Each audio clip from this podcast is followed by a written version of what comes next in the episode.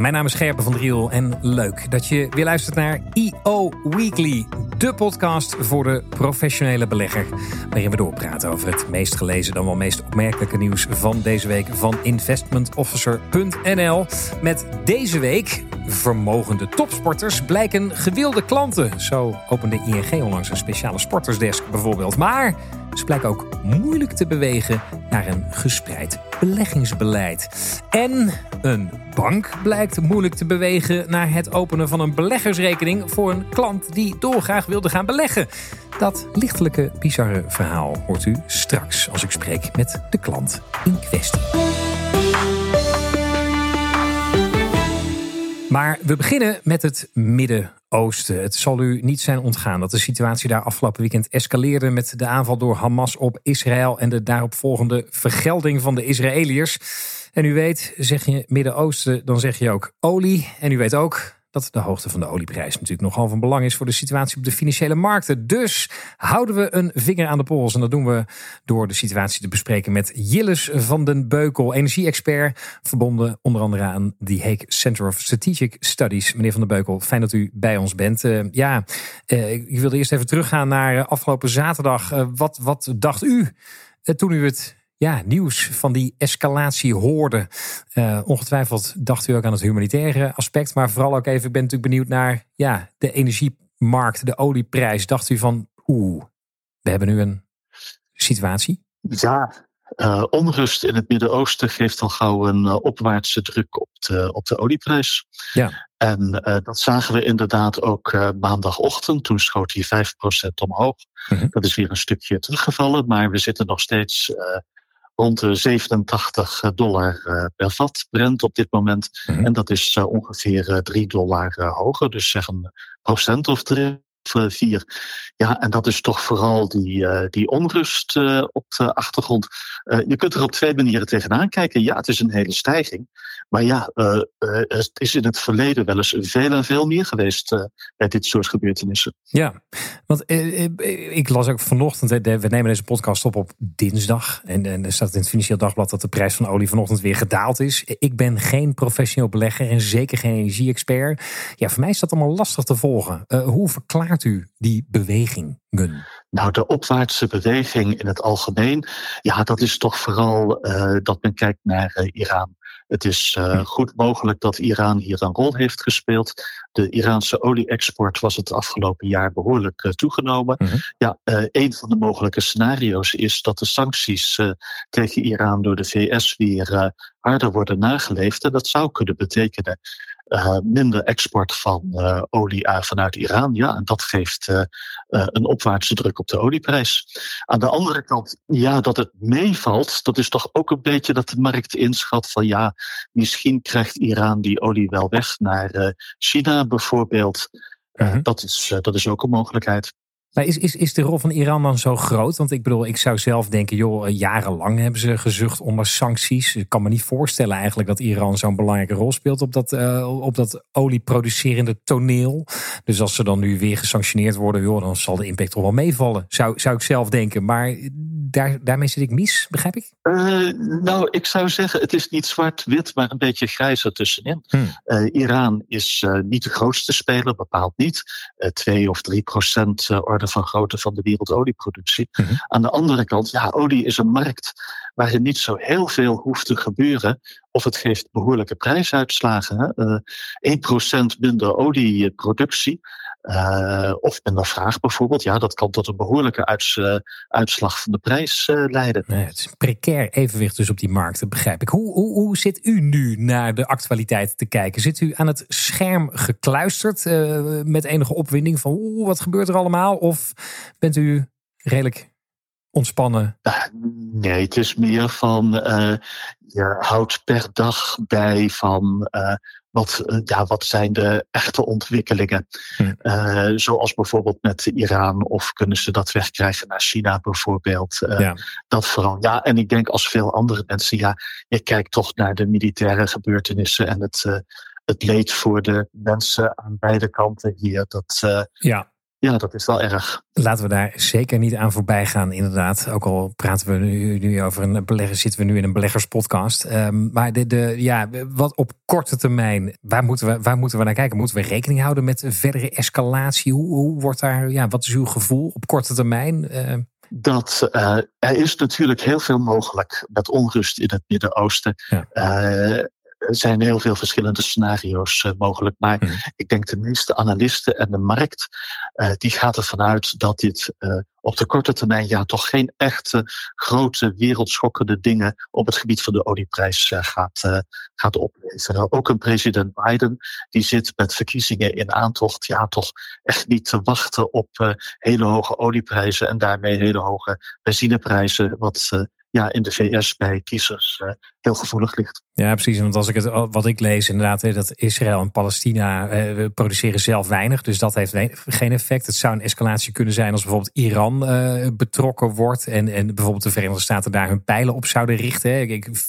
Maar wat, als ik u zo begrijp, het is niet in het belang van Amerika ook om dat vuurtje op te stoken. Dus op basis daarvan is de verwachting dat het nog beperkt blijft. Vat ik het zo goed samen? Ja, zo vat u het uh, zeker goed samen. Juist. Ben ik wel benieuwd op de langere termijn waar het uh, wat u betreft uh, naartoe gaat met de olieprijs, de energiemarkt. Praat ik graag straks met u over door.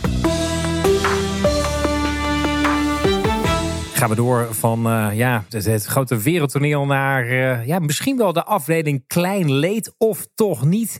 Ehm, Justin de Ridder, eh, een van onze vaste columnisten, schreef een eh, opiniestuk, eh, column, ervaringsverhaal eigenlijk. Vinkjes tegen fraude. En ja, ik denk dat het voor veel luisteraars uit het leven gegrepen is. Want Justin, ja, jij, je probeert iets te doen. Hè? Een, een handeling te verrichten die kennelijk volgens de heersende wetten en regelgeving als, ik weet, verdacht aangemerkt zou kunnen worden. En daar is dus dan ook een stokje voor gestoken. Wij vragen ons dan af, is de samenleving dan nu beschermd geweest tegen uh, crimineel gedrag? Justin, laten we het daar eens over hebben. Justin de Ridder, uh, nogmaals welkom, partner bij Nectar en vaste columnist van Investment Officer. Wat voerde jij in je schild? Ja, het is niet eens, denk ik, dat wij beticht werden van... Uh, fraude, maar het was meer vanuit zorgplicht dat het ons niet gelukt is. Maar ons plan was uh, de, de, zakelijke spaarrente bij, uh, bij veel banken, maar ook bij onze huisbank ligt uh, op ongeveer 1,25 procent. En, en daar hadden we verder helemaal niet zo'n gigantisch spaarsaldo. Maar ja, weet je, als je het toch niet gebruikt, dan kan je het maar beter laten renderen. Anders neem je je vak ook niet serieus als je, als je met geld werkt. Dus wij wilden beleggen in kort, kortlopende Duitse staatsobligaties. naar het ons dunkt toch vrij veilig. En kortlopend in de zin dat het ook heel liquide is. En daar kan je al bijna 4% op maken. Uh, maar het enige wat wij even moesten doen was het openen van een beleggingsrekening. Maar ja, dat, dat blijkt gewoon niet te kunnen meer. Uh, je kan wel uh, je geld toevertrouwen aan iemand van de bank. En die gaat er dan in allerlei dingen voor jou beleggen. Met een defensief of progressief profiel. Maar gewoon ik wil uh, dit bedrag, in, in ons geval deze ETF beleggen, dat is er niet meer bij. Dus dat is toch wel heel jammer, want ja, je mist daardoor een hoop, uh, procentueel althans, rendement. Dus dat vonden wij wel heel, ja, teleurstellend om het zo te zeggen. Ja, precies. En oké, dus ik, ik, ik heb het dus verkeerd aangekeild. En ik zou bijna zeggen verkeerd geframed. Het had dus te maken met zorgplicht. Dat de bank, jullie huisbank, je schrijft het ook in jullie stuk, tegen jullie zei van nee, nee, ja, wacht even. Uh, zorgplicht. Hè. Dat betekent we moeten u tegen uzelf beschermen. Ja, u, u, mag, u mag die beleggingsrekening niet openen, want is, het is onverantwoord. Daar komt het dan op neer. Ja, weet je, en uh, het zal vast ergens vandaan komen uh, dat, dat er een hoop of een aantal ondernemers die er wellicht minder affiniteit mee hebben, de boot mee zijn ingegaan. Maar ja, dat is mhm. dan toch wel uiteindelijk ja, waar je als hele branche, of in dit geval heel ondernemend Nederland, de dupe van bent. Want het beperkt je toch wel ja, aanzienlijk. Ja, als een, eh, zelfs iemand met een eh, financiële achtergrond erbij, in dit geval, in jouw geval de ING, en je zit erop, zou ik bijna zeggen, als zelfs iemand zoals jij met je BV geen beleggingsrekening meer kan openen, dan doet de vraag zich reizen: zijn we niet iets te streng geworden? Dat is volgens mij het punt van je column, hè? of niet? Ik, ik, ik trap nu een open deur in, realiseer ik me, maar wat, wat, wat, wat maak jij hiervan? Ja, Kijk, dit, is natuurlijk heel lastig wat ik ook schrijf. Weet je, het zijn allemaal wel valide onderwerpen. Als je gewoon kijkt wat er de afgelopen 15 jaar in de financiële sector is gebeurd. Dan hè, zorgplicht en fraudebestrijding. Tuurlijk is dat hartstikke belangrijk. En ik denk ook dat het een stuk beter gaat uh, dan vroeger, om het zo maar te zeggen. Tegelijkertijd moet je afvragen of, uh, wat jij ook zegt, hebben niet een beetje doels uh, door zijn geschoten. En dan met name in ja, wat wij dan hebben genoemd doelmatigheid en proportionaliteit. soms staat het geen zin in verhouding tot hetgeen je in dit geval van de bank vraagt. En je mag je ook afvragen wat de effectiviteit van al die documenten is die je ondertekent. ja, als je van kwade wil bent, kan je die documenten ook ondertekenen. Dit gaat dan eventjes iets meer over uh, fraudebestrijding, om het zo maar te zeggen. Ja, juist. En, ja, en wat je gewoon ziet in Nederland is dat, dat er zoveel mensen hiermee bezig zijn, met name jonge mensen. Uh, dit is eigenlijk de enige hoek waarin de grootbanken nog groeien. Het zijn op dit soort afdelingen. En op al die afdelingen doen ze allemaal hetzelfde. Ja, je kan het veel, volgens mij veel beter centraliseren. En er zijn ook, bankiers zouden dat ook het liefst willen, maar dan zit je heel snel uh, met mededingingsrecht. En, ja, het kan volgens mij een stuk, stuk beter. En daarover hebben wij een korte column geschreven. Juist, nee, die valt te lezen op investmentofficer.nl. De grote vraag, is het niet te ver doorgeslagen? Mocht u nu luisteren en zeggen, ik heb ook nog wel een paar voorbeelden. Uh, schroom niet, meld u zich eh, bij Investment Officer, zou ik zeggen. Uh, ja, het is een parel van een column geworden, Justin. Ook de zin, ik moet de eerste krantenkop... drugskartel valt door de mand bij invullen UBO-verklaring nog tegenkomen. Vond ik een geniale. We hebben de kop klaarstaan boven een artikel. We hebben alleen het artikel nog niet kunnen schrijven, helaas. Maar zodra dat kan, leest u het op Investment investmentofficer.nl. Justin, uh, dankjewel voor je bijdrage en graag tot de volgende. Dan gaan we door naar topsporters en beleggen. Ja, u weet natuurlijk, beleggen is topsport. Maar topsporters beleggen ook. Zijn op papier natuurlijk hele interessante klanten voor iedere vermogensbeheerder, zou je zeggen. Maar ja, hoe beleggen ze dan en ja, wat kunnen we ermee? Daar is mijn collega Geert mee aan de slag gegaan. Geert, jij bent gedoken in de wereld van topsporters en beleggen. Wat was eigenlijk de aanleiding om dit artikel te schrijven wat je gaat publiceren? Ja, dat is nog steeds een onopgeloste raadsel eigenlijk, ah. die aanleiding. Ja, het, uh, er waren toch wat uh, geruchten dat er hier en daar weer wat mis zou gaan uh, in die wereld. Maar dat, dat bleek eigenlijk overdreven. Mm -hmm. Maar toen waren we toch al een eindje op, weg en stuiten we toch wel op interessante ja, ontwikkelingen. Misschien wel, inderdaad. Geert, je weet natuurlijk gewoon een goed verhaal moet je nooit doodchecken. checken, ja. Dat is dus kennelijk wel gebeurd. Maar goed, daar hebben we het dan later nog wel over, uh, los van deze podcast. Maar ben ik toch benieuwd, want wat heb je dan gevonden? Je bent uh, aan bellen geslagen met... Uh... ja, met en vermogensbeheerders. En, en vooral ook met een aantal mensen die eigenlijk nog, ja, die nog niet echt vermogensbeheerder kan noemen. Maar wel die eigenlijk financieel adviseurs van topsporters. Mm die uh, eigenlijk liever niet met naam en toename genoemd willen worden. Want het is nogal een, een gesloten wereldje. Ook uh, rond die topsporters is de, hun sociale kring is beperkt. Ja. juist omdat ze zo fanatiek bezig zijn met dat ene doel. Mm -hmm. en daarover gesproken, want ze zijn dus fanatiek bezig met dat ene doel, vrij monomaan op één ding gericht. En dat blijkt ook in hun beleggingsbeleid zo te dat, zijn. Dat klopt, ja. Dat is dan eigenlijk de, eh, wat ze om zich heen zien, ook van collega-sporters, et cetera. Ze, eh, ze willen eigenlijk allemaal hetzelfde. In? Eh, en dat is huizen. Huizen? Vastgoed. Juist. Ja, het begint met een eigen huis, wellicht een tweede huis voor familieleden, et cetera. Mhm.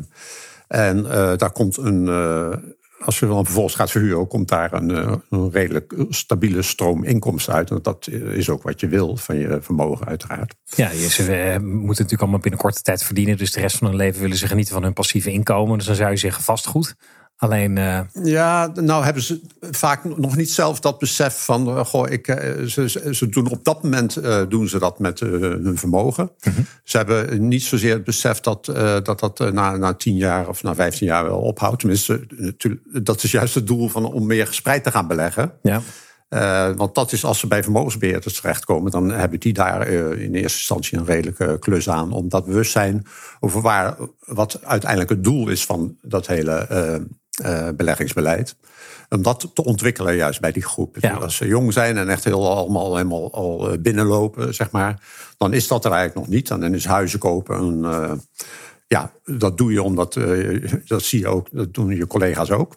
Ja, en, want daar gaat jouw te verschijnen artikel ook over. Hè? Dat, uh, dus uh, topsporters zitten vooral blijkbaar in, vastgoed. ja. En, en, en uh, op zich natuurlijk goed, maar tegelijkertijd is het wel heel eenzijdig. Dus je zou zeggen vanuit gezond beleggingsverstand spreidt het wat meer. Maar daar ja. blijken ze dus moeilijk toe te bewegen. Waar lopen die vermogensbeheerders dan tegenaan bij deze topsporters? Nou, in, de, ja, in eerste instantie het, vertrouwen winnen. Dus ja. in, in tweede instantie, het is ook wat minder uh, flitsend natuurlijk als je het gaat hebben over spaardeposito's of over uh, obligatiebeleggen of over. Uh, ja, een was een hele een aardige Belgische vermogensbeheerder, Accuro, die kwam met de term dividendenieren in plaats van rentenieren. Mm Die, die, die, koopt dus gewoon pakketten uh, aandelen die, met een goed uh, dividendbeleid erachter. Ja, dat krijgt, dan krijg je ook een uh, constante stroom inkomsten uit dat soort portfolio's. Ja. Maar dat, ja, het is minder sexy, zeg maar. Ja. Als je, Wacht, ik heb het even een beetje opgezocht. Bijvoorbeeld Eredivisie. Het gemiddelde Eredivisie salaris lag in 1995 ergens tussen de 60 en 70.000 euro. Inmiddels is het gemiddelde Eredivisie salaris ligt kennelijk rond de 330.000 ja, euro. Ja. Dat maakt dat bijvoorbeeld die hele Eredivisie op papier in ieder geval een hele interessante klantengroep is voor ja. vermogensbeheerders. Iedereen die nu luistert en zegt wij adviseren in aandelen beleggen. Doe mij een paar van dat soort uh, spelers. Ook nog eens een keer uh, hè, leuk voor op de borrel.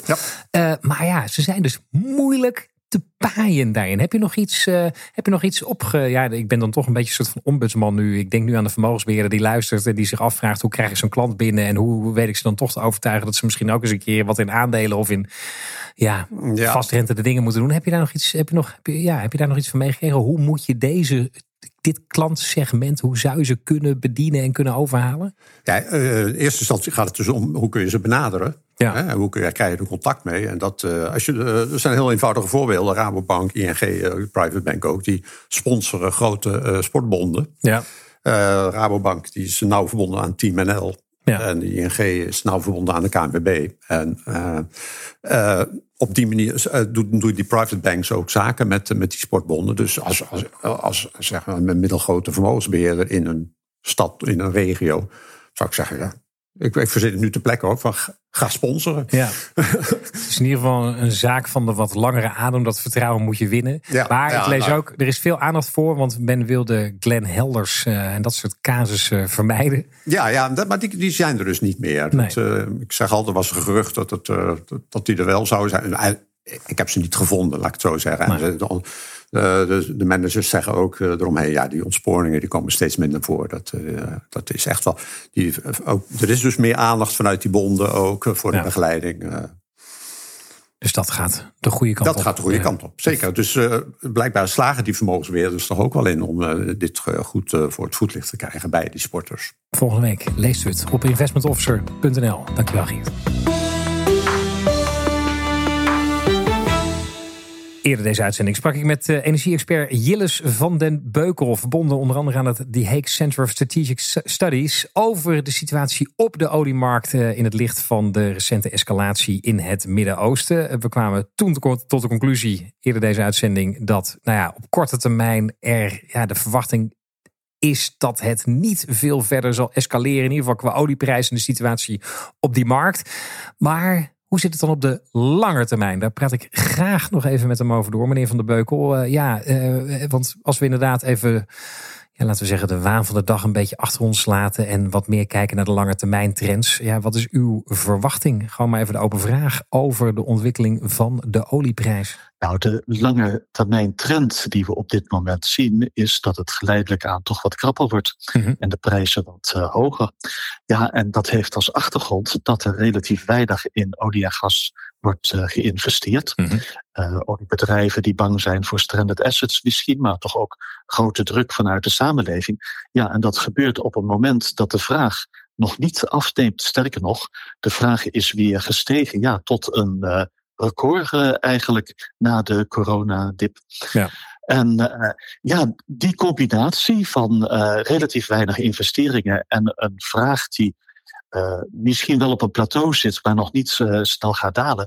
Ja, dat geeft eigenlijk best hoge prijzen. In een tijd dat er toch zekere economische zorgen zijn, lijkt die evenwichtsprijs zo rond de 80 of 90 dollar per vat te liggen. En dat is een stuk hoger dan uh, vijf jaar geleden, toen dat eerder uh, 60 dollar per vat was. Tegelijkertijd, uh, de olieprijs is er ook wel eens boven de 100 dollar geweest. Dan een 80, 90 is hoog, zou ik dan zelf denken. Nogmaals, als, als leek en niet professionele belegger, maar nog niet desastreus. Maar als ik u zou beluisteren, dan zegt u van nou, de 80, 90 procent evenwichtsprijs, dat is echt wel een, een serieus probleem, economisch gezien. Uh, het is een uh, behoorlijk hoge prijs voor een wereld waarin het economisch nou niet zo super florissant gaat. Mm -hmm. Ik zou het zo willen zeggen. Ja. Juist. En, en, en, en want ik bedoel, in de, in de, in de, in de hè, Shell maakt ook scenario-analyses, langer termijn. Dus, het, en dus ik neem aan dat u dat, ja, daar ook kennis van neemt. En waar moet ik dan aan denken over, als je zegt uh, over 10, 15 jaar of 20 jaar? Wat, wat zijn er dan projecties waar zo'n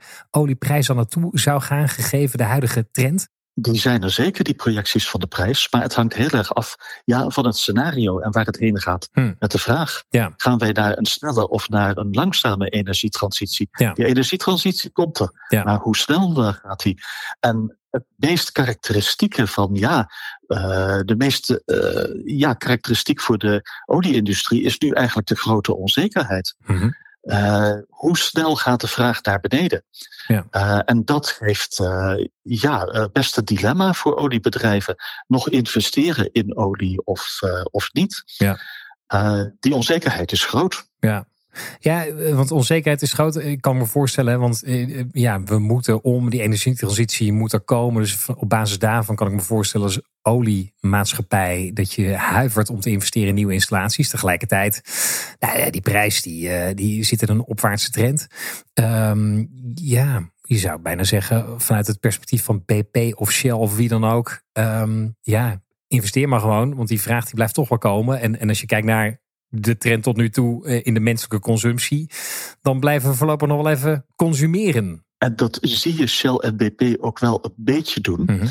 Maar dat is een lichte koerswijziging. Mm. Kijk, ze krijgen nu heel veel slechte publiciteit, want er wordt iets meer in olie en gas geïnvesteerd. En dat klopt. Ja. Maar uh, ja, zij investeren de helft van wat ze tien jaar geleden deden. Ja. De lange termijn trend voor hun investeringen is echt wel uh, behoorlijk uh, naar beneden. Ja. Uh, ja, en verder de onzekerheid in de toekomst. Uh, een anderhalve graad scenario. Ja, dan verwacht je 20% minder uh, olie- en gasvraag in 2030. Binnen acht, nou ja, zeven jaar, dat is al vrij snel. Maar er zijn ook heel andere scenario's mogelijk, waarin het op een plateau blijft en je dan over zeven jaar een vergelijkbare vraag hebt. Ja. Nou ja, en uh, die onzekerheid is groot. En in die tijd zijn oliebedrijven toch eerder aan de voorzichtige kant met Mm. investeren. Mhm. Maar op een gegeven moment wordt het te aantrekkelijk. Uh, de uh, return on investment op dit moment in de oliewereld, ja, die is wel heel erg hoog. Vergeleken met wat zij in de new energy wereld van uh, zon en wind kunnen verdienen. Ik ben toch even, want ja, er zijn verschillende scenario's, maar laten we uitgaan van een, laten we zeggen, het, ja, een niet heel positief scenario. Oftewel, olievraag blijft hoog. En ja, renewables blijven een beetje achter. Waar moet ik dan aan denken? Kan zo'n olieprijs dan over 15 jaar in zo'n scenario bijvoorbeeld op 200 dollar per vat staan? Uh, niet op een duurzame manier. Nee. Maar uh, ja, we hebben gezien wat er vorig jaar gebeurde met de gasprijzen. Mm. Uh, in een wereld die, uh, waarin ja, meer machtsstrijd is, meer geopolitieke onzekerheid, is het wel denkbaar dat dat tijdens een crisis gebeurt. Ja. Maar niet over een, over een langere periode. Daartegenover staat ja, het verhaal energietransitie minder vraag naar olie, dan zal de prijs ook wel laag worden. Ja, dat blijkt niet uh, te kloppen, toch? Nee. Uh, althans tot nu toe.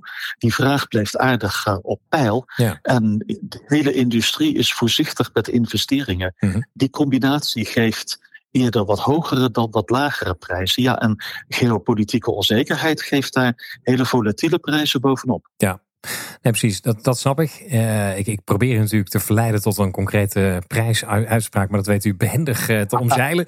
Uh, ik ik ben ik toch nog even benieuwd, want ik bedoel, ja, volgens mij, dat zien we denk ik allemaal. Die vraag blijft voorlopig hoog. Olieproducenten investeren minder, produceren ja, misschien ja, produceren minder. Dat ligt ook een beetje aan die landen, zit ik nu even hard op te denken. Maar uh, die omslag naar renewables. Hè, ik heb ook het gevoel dat dat echt stokt inderdaad op dit moment. Ziet u dat ook? Of, of hoe, hoe, hoe ziet u de toekomst van hernieuwbare energie? Kunnen we daar nog ja, iets positiefs van verwachten? Ik denk zeker dat hernieuwbare energie uh, een grote vlucht neemt. En we zien nu ook de kostendalingen van met name zon. Mm -hmm. uh, de details, ja, dat zal interessant worden. Ja. Uh, de laatste scenario's van het Internationaal Energieagentschap, ja, die laten vooral een hele grote groei van uh, elektriciteit uit zon zien. Ja. Uh, simpelweg omdat voor zon de kosten sneller dalen dan voor, uh, voor windenergie. Mm -hmm. En zij zien een energiesysteem in 2050 waarin zon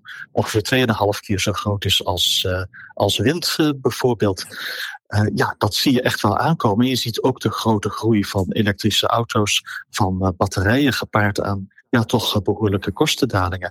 Dus dat zegt echt voor, zet echt door. De vraag is of uh, ja, er voor de Shells en BP's van deze wereld veel te verdienen valt uh, en veel te floreren valt ja. in die energietransitie. Want ja, dat is niet hun, hun sterkte, nee. hun kracht, die wereld. Nee.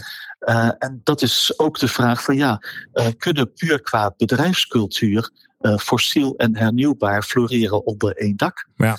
En laten hun aandeelhouders er toe, want je ziet bij een Shell wereldwijde aandeelhouders die echt uh, vragen om uh, rendement nu. Ja, nee, het is natuurlijk ook, hè, want maatschappelijk kan je natuurlijk naar de zaak kijken. Je kan het ook op bedrijfsniveau bekijken. Ik kan me voorstellen dat voor de traditionele oliemaatschappijen dit een ongelooflijke lastige kwestie is. Hè, van waarop in te zetten en moeten we vasthouden aan het oude of toch inzetten op dat nieuwe. Nou, dat, zij, zij willen die transitie wel maken, maar lukt ja. ze dat ook? Ja. Willen ze dat ook? Ja. Ik, ik wil toch nog even tot slot uitzoomen, maatschappelijk gezien. Ik ben er gewoon nieuwsgierig naar. Ik ben benieuwd hoe u, u ernaar kijkt. Gaan wij het nog meemaken, u en ik, uh, bijna 45 in mijn geval, uh, dat we, ja, dat, dat die energiemix echt fundamenteel anders is. En dat fossiel nog een, een, echt een ondergeschikte rol speelt in het totale energieaanbod. Wat, uh, wat denkt u? ik denk dat u dat nog wel gaat meemaken, ja. Zeker. Ja. Kijk, goed. Dan klamp ik me daar aan vast. Meneer Van den Beukel, het was me genoegen. Dank u wel dat u even bij ons wilde zijn. Tot zover deze EO Weekly. Hou natuurlijk www.investmentofficer.nl in de gaten voor het laatste nieuws. En dan spreken wij elkaar volgende week weer.